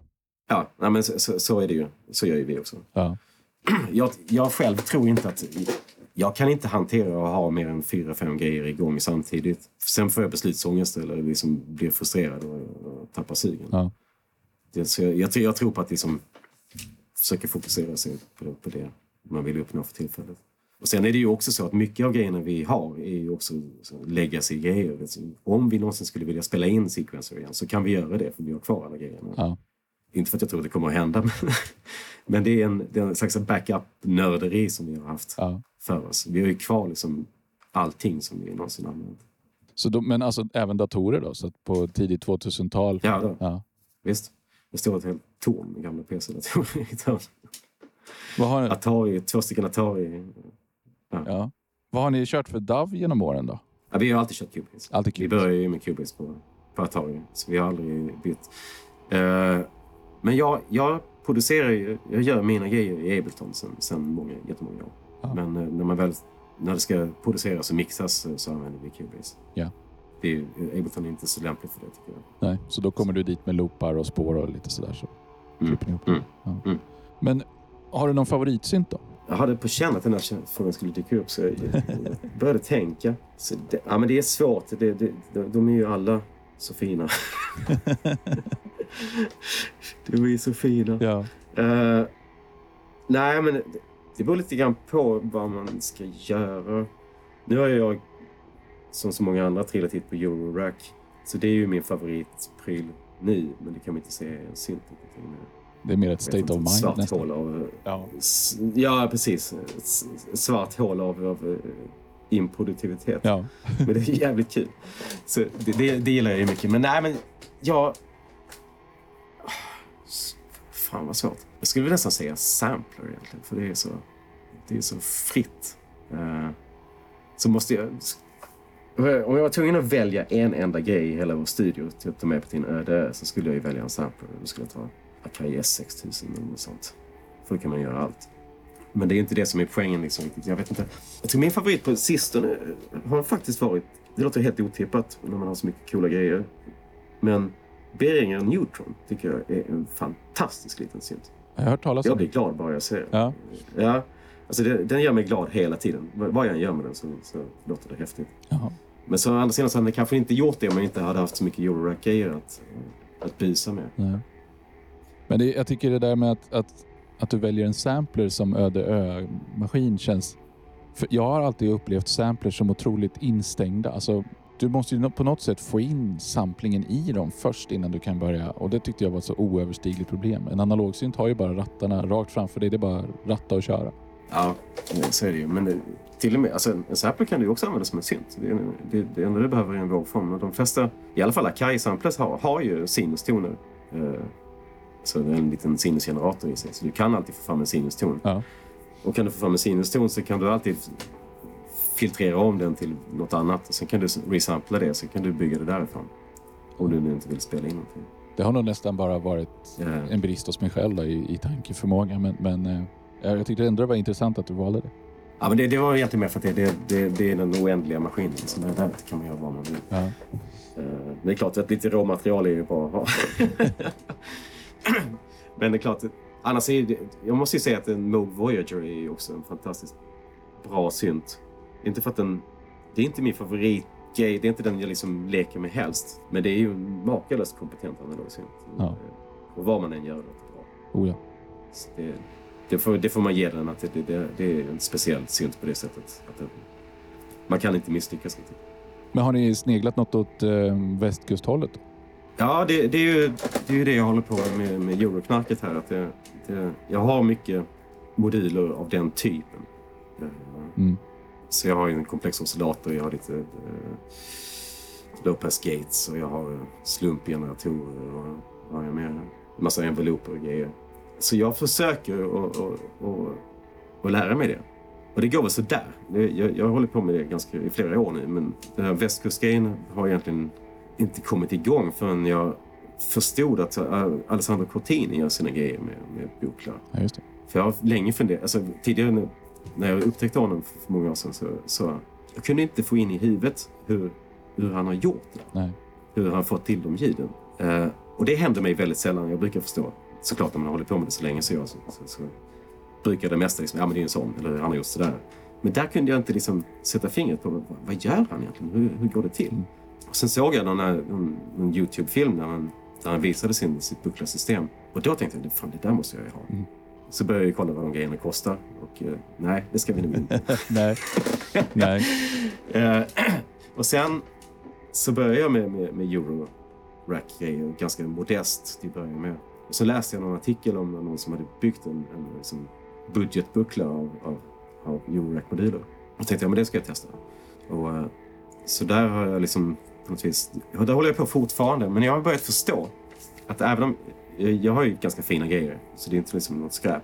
Men ska man riktigt lyckas med West Coast så ska man ju nästan ha en buckla för den är, den är ju designad på ett visst sätt. Ja. Att även om du har samma funktionalitet så får du inte det här soundet. Jag lånade Fredrik Segerfalks uh, Music Easel för, för något år sedan. Och där låter det ju rätt med en gång Ja. hur man gör. Liksom. Det, den, den, den, den, den låter bra. Ja. Men jag tyvärr inte kan påstå att det gör det av mitt Eurorack särskilt ofta.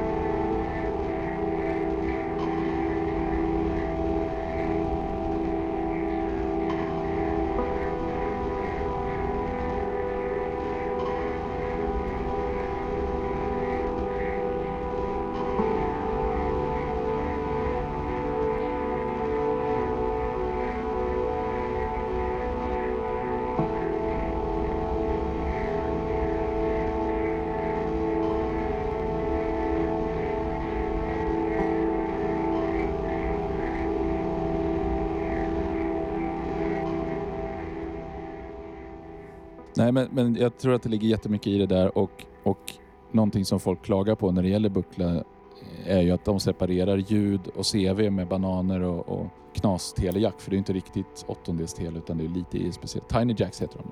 nu. Mm. Men, Ja, eh, men jag hade 200E-system ett tag och jag upplevde att, att just den här separationen mellan ljud och CV är en så stor del av arbetssättet. Att liksom, det, Mm. man, när det klickar någonstans, då förstår man att ja, nej, men det är så det ska vara. Ja. Har du kvar systemet? Nej, jag, jag, jag tyckte det var för mycket pengar uppbundna i dammsugarljudsgrejer så jag, jag, jag släppte det. Eh, Ja, Men att- ja det, det är strongt. ja, men att spela på det var ju verkligen liksom att, att ge sig ut på en klangresa under ett par timmar och bara försvinna iväg i någonting. Så. Ja. Men Ja, men precis. det jag upplevde lite grann med, med mitt 200E var faktiskt att många delar av, digital, alltså av ljudgenereringen är digital. 259-oscillatorn Mm. är ju helt digital. Eh, Mm. Och det, efter ett tag vart jag väldigt trött i öronen av att sitta och hålla på med det. Eh, Så jag vet inte om det var Mm. någonting med aliasing eller distorsion eller någonting. Eller bara liksom digitalljudet i sig. Men något gjorde mina öron trötta. Ja, ja men det, det, det kan jag förstå.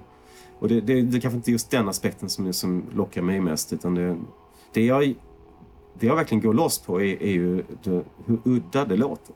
Ja, Att det, det, det har liksom en, en, en, en som, det, det låter skitklyschigt, men det har en organisk ton. ja, De, de analoga delarna. eh, Framförallt med lowpass-gaten. Och, eh, att det får liksom någon slags eh, eget liv. ja. Man, och man hör det också. Man känner inte det bara när man håller på, utan man, det, det, det hörs. Ja. Och när man får till det så tycker jag det, då, är det, då är det väldigt, väldigt eh, speciellt. Ja. Absolut. Och jag, jag lekte väldigt mycket med, jag utmanade mig själv ganska mycket med mitt bucklasystem och försökte spela alltså sequensade vanliga melodier eh, på det. Och även när jag tittar tillbaka på det, jag har några videos här på Youtube och tittar tillbaka på det så känner jag så här, fan det låter ju fruktansvärt bra fortfarande. Eller liksom, även fast det är inspelat, även fast det är, är liksom kört genom Youtubes eländiga algoritm så det låter ju skitbra. Fast det är bara en liten tråkig loop. Ja. Liksom. Ja, men det, det, det är något magiskt. Det, det, det är det faktiskt. Ja, så att det, li- Men det, är- det, det, det, är väl, det är väl ja, precis. Det, det är ju så. Det, det, om du bygger ihop en till Mm. exempel, en minimoog av, av moduler, så låter det inte minimoog ändå. Nej. Även om du har klonen. Liksom. Det, det, det, är någonting där inne i apparaten som...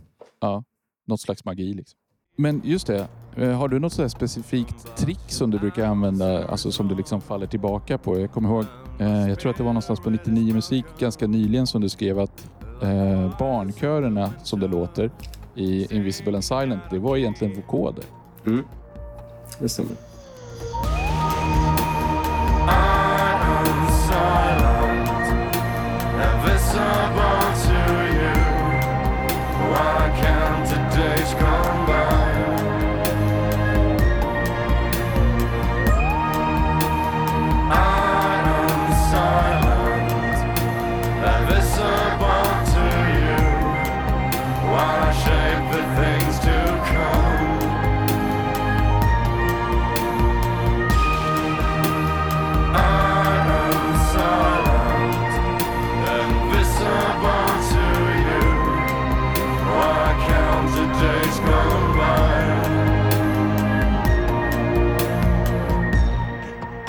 Du några mer sådana där äh, trick att dela med dig av? Ja, alltså det, det, just det där vokodertricket har vi bara använt några gånger faktiskt. Så det, det är inte något jättevanligt.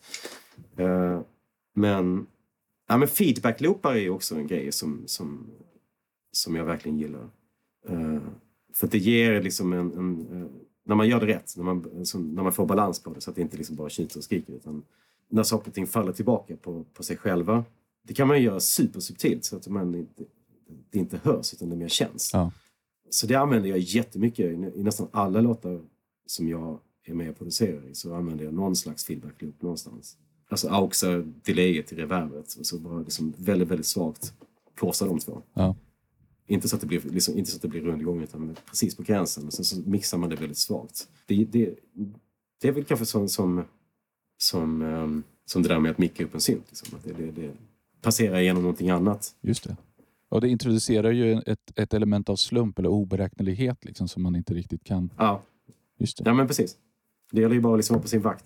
Det där förklarar ju faktiskt en hel del. För att om man lyssnar på många av era låtar så får man en känsla av att, att det är lite av en liksom, vägg av ljud. Det är väldigt mycket, många låtar som är liksom på hela tiden. Och det kanske är lite av det Mm. där tricket då, som kommer in och... Ja, men det, det, det, det är ju en del av det i alla fall. Ja. Absolut. Sen är det ju också ofta, liksom, vi använder ju ofta väldigt mycket ljud. Ja. Fast man försöker mixa dem så att de hänger ihop. Att inte, man, man hör inte att det är fem syntar som spelar i samma grej. Utan det, Nej. det blir som ett ljud av det hela. Liksom. Men det är ju mer en fråga om, det är ju mer en fråga om att liksom lagra grejer med lite finess. Ja. Jo, det är jätteviktigt för att bara fläska på med hur mycket som helst, det, det, det funkar ju inte i slutändan. Nej, det, det, det, det, det, liksom, det blir ju för mycket. Ja. Nej, men det, det är ju också viktigt. Är alltså balans i, i nästan det som är, som är svårast med, med att producera musik. Är ju att liksom veta när det är lagom. Ja. Alltså, lagom är kanske inte det världens roligaste ord, men det är faktiskt ganska bra att använda så. För man ska ju stå ut och lyssna på de där grejerna liksom, även 10-15 år efter att de är släppta. Ja. Och för att kunna göra det så är det jätteviktigt att man liksom har lite, lite återhållsamhet och lite... Lägga ner lite, gå en extra mil för att få den där balansen. Det, är det, det är det värt. Favoritsynt är precis. Dave Smith Evolver är ju en favoritsynt faktiskt. Den gillar jag väldigt mycket. Har, du, har du haft koll på hans nyare grejer också? Som har, Nej, jag har inte hängt med faktiskt. Eh, De här liksom Prophet-versionerna känner jag inte alls intresserad av. Men eh, en kompis som jag köpte Prophet X, den verkar väl ganska kul men jag ty- jag tycker det är för mycket pengar. Prophet X, var det den som de hade massa samplingar av pianon och grejer i? Ja, exakt. Alltså den, det är ju en- liksom en rompler och en analog synt men med Evolver-tänket också. Ja, just det. Men eh, nu blir det plötsligt sådär hi-fi så det, det, det, det är inte så kul längre. Nej. Tycker jag. jag Nej. gillar den här liksom grisigheten. Men brukar du använda pluggar för att grusa till det lite grann i, i, i davet då, när ni gör musik och så? Ja, men absolut. Det, är- det är ju en, det, grus är jätteviktigt. Är det, är det för klint så, så, så blir det inte... Det blir liksom, ja, platt. Ja. Så att ja, gr- grus är ju jätteviktigt. Det, det är väl en mix av pluggar och hårdvara som vi brukar använda. Jag brukar egentligen... Ett bra knep är att plugga in eh, ett tape-eko. Mm. Det behöver inte ens vara ekot på. Liksom. Du kan bara, bara dra det igenom så händer någonting där i, Ja. ja. Ja, med lite mättnad och lite kompression och lite sådär så, så får du ju en annan... Ja, men, ja, precis. Och så dist såklart. Dist är ju uh, jättekul. Ja. Men jag har haft svårt att hitta pålitlig och bra digital dist på något sätt. Ja, ja men det, det har du rätt i. Det, det, det blir sällan sådär jättebra. Men Isotope Trash 2 använder jag mycket. Okej. Den, den, har, den har liksom... Den, den, är, den är bra nog Ja, skrota till det utan, utan att det låter eh, digitalt. nej, precis. Det, Men, men här, det är ett bra tips. här, ja, jag ska kolla. Jag har varit dålig på Isotopes grejer överhuvudtaget. Men jag har... eh, Jag köpte ju Soundtoys hela kollektion. Mhm. Och de får ju jättemycket beröm för allt möjligt jox. Men ehm, sen vart jag lite nyfiken på det här med disten och Decapitator är ju deras dist som alla, alla Mm. gillar. Och så tänkte jag så här, bara, men är den deterministisk eller, är den, eller har den någon sorts analog emulation som gör den lite slumpmässig? Då? Så jag tog två spår och så ställde jag in dem exakt likadant med samma källa så vände jag bara, fasvände jag bara den ena. Och mycket riktigt så blir det ju Mm. tyst. Så de är ju fullständigt 100% deterministiska. Det som du liksom skickar in samma Mm. sak två gånger och får ut samma sak. Mm, mm. Eh, Nej, men så, så, så är det väl nog... eh, finns det någon analog emulation som inte gör det? jag vet inte. Men, men jag Nej. tänker Jag har någonstans... faktiskt aldrig testat. Nej, jag, jag måste utforska det där lite mer. Men jag tänker själv någonstans att du skulle ju aldrig få samma resultat med riktiga analoga grejer. Och då om du försöker emulera ska du väl inte göra så? Nej, bli lite... Jag har faktiskt inte riktigt tänkt på det. Men jag har ju en, en Roland System 1M som jag tycker låter otroligt bra. Eh, när den emulerar Promars till exempel har jag köpt till den. Och jag har ju en riktig Promars också. Jag hör ingen skillnad. Nej. Eh, Den, den är väldigt, väldigt övertygande. Så det skulle vara intressant att veta hur de har gjort det. Ja. Jag vet inte. Jag kan nog tänka mig att det ligger... Alltså, om du ska emulera en analogsyn så har du nog större tendens att, att lägga in lite slumpgrejer och lite svaj och lite sådär. Likadant Mm. om du ska emulera ett analog eko. Men om du ska emulera en, en dist, tänker man på sånt då? Ja, det kanske man inte gör. Ja, Det har du rätt i. Vet inte. Nej, ja, ja. Nej, men det, det, det är sant. Alltså det, det, det, det är svårt att göra bra digital disk. Det, Ja. det har du rätt i. Ja. Det blir liksom lite oorganiskt. ja, det tappar liksom grejen. Mm. Men när ni har gått igenom så här jättemycket syntar och, och har köpt alla ni har kommit över och har, ni aldrig har sålt någonting. Mm. Finns det fortfarande någon sån här vit val kvar då, som ni skulle vilja lägga vantarna på? Ja, men det, det gör det ju såklart. Det, det, det är väl samma vita valar som de flesta har. Jag, jag skulle ju gärna vilja ha en VCS 3. Jag skulle gärna vilja ha en CS 80. Och, men det, det, det är så sjuka pengar. Mm. En 808 skulle jag gärna vilja ha igen. Jag hade ju en för länge sedan, men den sålde jag eh, innan, redan innan vi började göra musik på allvar. Men eh, alltså det, det, det, fin- det är ju inte rimligt vad de kostar idag. Det, är- det är helt vansinniga pengar. Ja. Så att det, det, det, får- det får nog förbli en val. Det, men det, då är det en bra grej att gå tillsammans med någon som, som, som Fredrik Segerfeldt till exempel, som har de där grejerna. Så man kan ju Visst. Lägga sina vantar på dem ändå. Ja. Men, men tror du att det kommer förändra er? Att, alltså, nu vet jag ju att ni är väldigt noga med ert sound, men liksom, hur mycket påverkar maskinerna soundet och hur mycket påverkar människorna soundet? Ja, men det, är- det är väl klart. Alltså, det är en sån grej vi har gjort med flit. Vi inför, inför varje nytt projekt så köper vi lite nya grejer. Eh, just för att liksom få, dels få inspiration och dels få liksom en liten an, annan, annan ton i, i saker. Men man märker ju tydligt att man angriper saker på ett sätt som, som liknar hur man gör med andra grejer. Jag minns, vi, vi, när vi, vi köpte en Profit 5 för en massa år sedan. Och Eskil satt och gjorde sina grejer med den. Och sen så tog jag över den ett tag. Och, och så sa Eskil det, som att helt plötsligt låter den bara som, som du. Mm. Ja. Så att eh, man har väl ett modus operandi vare sig man vill eller ej.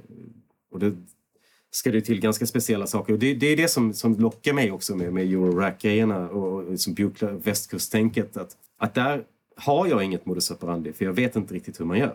Så, Eh, och då är det ju plötsligt väldigt spännande Ja. eh, och intressant. Liksom. För att man har, det, är- det är en utmaning att använda det. Ja. Du får tillbaka den här upptäckarglädjen. Ja, men eller hur? Eh, Eller att man sätter sig ner med, som, med DX4 och raderar presetsen. Ja. Ja. Och du måste göra det själv. Ja. Det- Då blir det ju något annat. Liksom. Precis, och, eh, ja, för att annars är det den här två oscillatorstrukturen, liksom, med två enveloper, en LFO och Mm. lite det där. Det, det kan man ju vid det här laget. Ja, men det är så, eller hur? Jag och Eskil fick en idé. Vi köpte varsin sån här T-resonator. Jomox-grunkan. Så, så det är ju också uh, feedback-loopar. Och vi skulle försöka göra musik på dem. Vi skulle försöka jamma. Jaha. Och det blev ju fullständigt galet. Den är ju livsfarlig Ja. på alla sätt och vis. Man måste ju ha en limiter för det första. Det hade vi inte förstått. Eh, så där flög ju den idén ut genom fönstret på grund av att vi hade ju, inte- visste inte vad vi gjorde. Nej. Men sen när man väl hade tämjt den där grejen. Jag, jag har inte tagit fram min på, på två år. För den, det var inte roligt längre när man hade förstått det, Nej. hur det går till. Liksom. Nej, men men jag, jag tycker också om det här när man, när man liksom går utanför det vad man brukar. Jag har ju liksom på sistone börjat mixa och mastra lite grann och det skiljer sig otroligt mycket från att skruva syntar. För att, alltså, skruvar du på en synt så sträcker du efter filterratten och så vrider du liksom från 500 Hz till 15 000 Hz. Liksom. Men, Mm, mm. men på en kompressor så vrider du kanske mellan, mellan några millisekunder fram och tillbaka och det liksom påverkas ljudet på ett Ja. helt annat sätt. Absolut, det, det, det är helt olika saker. Även om instrumenten är samma. Ja. Så, så, jag menar, det är ingen större skillnad på en EQ och på ett filter. Liksom, men det, det, det är en helt annan sak. Ja, exakt. exakt. Och, och, Och det, det, det, det, det, det är någonting som verkligen kräver eh, övning. Ja, precis. Att man, att man lär sig lyssna efter de nya effekterna liksom, och förstå vad, Mm. hur det påverkar ljudet och vad och varför. Och så. Absolut, det, det är jättekul. Ja. Men har du intresserat dig någonting för de nya FM-syntarna? Som Korg och Digitone och de där? Nej, inte så värst faktiskt. Nej, det, det, det, det tilltalar mig inte jättemycket. Jag, jag gillar ju DX4. Vi, vi har ju en uh, FS1R också och den, den är ju superhäftig. Och, eh, men det, nej, det lockar inte mig så jättemycket. Jag känner inget sug efter de här nya FM-grejerna. Jag har FM så det räcker. Ja. Liksom. Och så tycker jag det är liksom... Det, egentligen tycker jag nästan analog FM är roligare. Ja, Och, och igen är vi där på buckla-tänket. Liksom, att det, det, det, det har en ton som tilltalar mig mer, mm. skulle jag nog säga. Mm. En, en sak som jag har tänkt på med västkustoscillatorer och komplexa oscillatorer överhuvudtaget är att, att, de kan, att de kan förändra vågformen i flera dimensioner. Alltså, Mm. nya Moog-oscillatorer har ju, har ju ofta en svepbar vågform från typ triangel via soltant Mm, och så vidare. Men det är en dimension, Mm. även om det är över flera steg. Mm. Medan en komplex oscillator har liksom harmoniskt övertonsinnehåll på en och så någon sorts wave shape-grej på en. Och så ovanpå det har man Mm. ofta amplitudmodulation och frekvensmodulation. Så vad är vi uppe i då? Fyra, fem Mm. dimensioner som du kan svepa i samtidigt. Så du får ju liksom ett, universum som, som blir så mycket större där du kan flytta dig. Liksom. Absolut, det, det, det, det är väldigt tilltalande. Ja. Men, men svårt. Alltså det är svårt om du har en plan för vad du vill ha ut av det. för då Ja, vet du inte åt vilket håll det ska gå. Men om du bara är ute efter att bli överraskad så är det ju inte så svårt. Nej, nej, det är riktigt. Det, jag, jag, jag satt faktiskt häromdagen och, och uh, pilade just med, med, med komplex oscillator och bestämde mig för att jag skulle försöka göra en basgång med, med ringmodulation bara. Men efter fyra timmar så lät det fortfarande inte som jag hade tänkt mig. Nej. Eh, för den, liksom, den glider ju ur ton. Den, den, den, håller inte, den träffar inte till. Den eh, liksom hamnar mitt emellan och håller på. Så stod det med att man kan ju hårdsynka den ena. Och så gjorde jag det. Mm. Eh, och då höll den ju tonen. Men då lät det inte alls kul längre. Nej. Så att, så, och det, det är som det, jag gillar det där att det, att det är lite motsträvigt. Man får liksom, men fan då. Ja. Man får liksom ta i lite. Ha lite mer tålamod och lite mer. För det, det, det betalar sig i slutändan när det verkligen sen trillar på sin plats Ja. så är det ju en väldigt tillfredsställande känsla av att liksom, nu har jag gjort någonting som så vitt jag vet ingen annan någonsin har hört. Nej, precis. Men om du har analoga sequencer så borde du kunna liksom styra respektive oscillator och så att de hamnar precis rätt utan att det är kvantiserat. Ja, ja, det, det, det, det, kan man göra såklart. Med, med två spår skulle Mm. det gå. Och sen så kommer du på att det vore ju skitcoolt att ha ett envelope på det där och sen så är ingenting i ton längre. Låter det skit alltihop. Nej, det bara kollapsar allting. Liksom. ja, nej, det, det, det, det, är kul. Och man känner igen den där pionjärkänslan som, som, som man hade en gång i världen liksom, när man inte visste vad, vad som hände. Ja. Att, eh, det, det, den där glädjen av att liksom vara på hal is är, är, är, är ju något. Ja.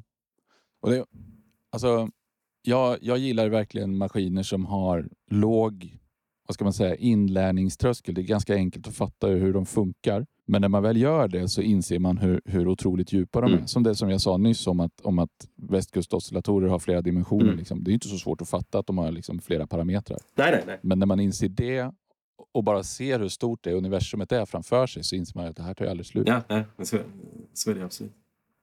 Definitivt. Så det, Och det tyckte jag var ascoolt med, med 200E. För när det, de har ju presets, mm, men de är ju per modul. mm, Så att om du har ett system så kan du liksom byta priset på vissa moduler fast andra är samma hela tiden. Mm.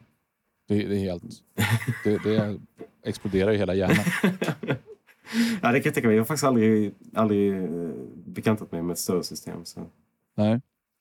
Och du kan också, du kan, om du har en preset manager så kan den vara spänningsstyrd. Så att du kan liksom stega fram presets med, an, med hjälp av moduler. Ah, Så, så det är så man gör det? Men ja, så om du låter en klocka ja, så om du låter en klocka liksom stega presetsen så kan ju, kan ju preseten tala om för klockan att det ska gå fortare eller långsammare och så vidare. Ja, okej, okej. Ja, det blir ju helt vilt. Det blir helt skevt. Fan, Eh, nu blir jag sugen igen. Vad kan ja, jag du, sälja? får köpa ett litet, du får köpa ett litet Skylab. Ja, men precis. Eh, ja, men jag brukar alltid avsluta de här intervjuerna med att fråga huruvida det är någonting nytt spännande på gång i er musik just nu. Ja, det, det har det väl varit ett tag. Nu är det long overdue att vi skulle släppt ett album. Vi gjorde ju en... Det sista vi släppte var en uh, EP som, som, som heter Fieldworks Excursion. Och den skulle blivit ett album egentligen, tänkte vi. Eh, det är ju idén att använda fältinspelningar, att använda liksom akustiska ljud. Ja. Men sen så, under tiden vi höll på med det där så märkte vi att det var ju många fler än vi som hade fått den idén. Så plötsligt skulle det liksom vara fältinspelningar i allting, överallt, hela tiden. Och då, då var det inte så roligt längre. Så vi skrotade den, den planen. Och nu så är det väl eh, dags att steppa upp igen. Och det, det blir faktiskt knepigare för varje gång man ska försöka göra det. Ja. Så just nu står det lite stilla faktiskt. Så vi, vi kommer väl att släppa lite... Vi kommer att släppa om lite äldre album med bonusmaterial och sådana saker. Men det är ju inte så spännande egentligen. Det är väl mer för att, för att det finns en efterfrågan på det. Så det, det kommer komma en... eh, Som det ser ut nu så blir Sequencer släppt i, i år om det, om det går bra. Och då kommer vi att mastra om hela plattan och lägga till låtar som, som gjordes till den men som inte kom med. Ja. Så det är lite kul i alla fall. Men det är ju gammal skåpmat ändå. Och sen, sen har jag ett sidoprojekt som heter A-musik tillsammans med bland annat Ulrika Mild, Compute och lite ny musik. Just det. Eh, Kul. som, vi, som vi startade för sex år sedan, eller- eller sju år sedan. Och gjorde med några låtar, men vi har aldrig spelat in dem. Men det ska vi göra nu. Så det blir väl också någonting nu till, ja, helst innan sommaren. Ja, vad roligt. Mm? Thank you.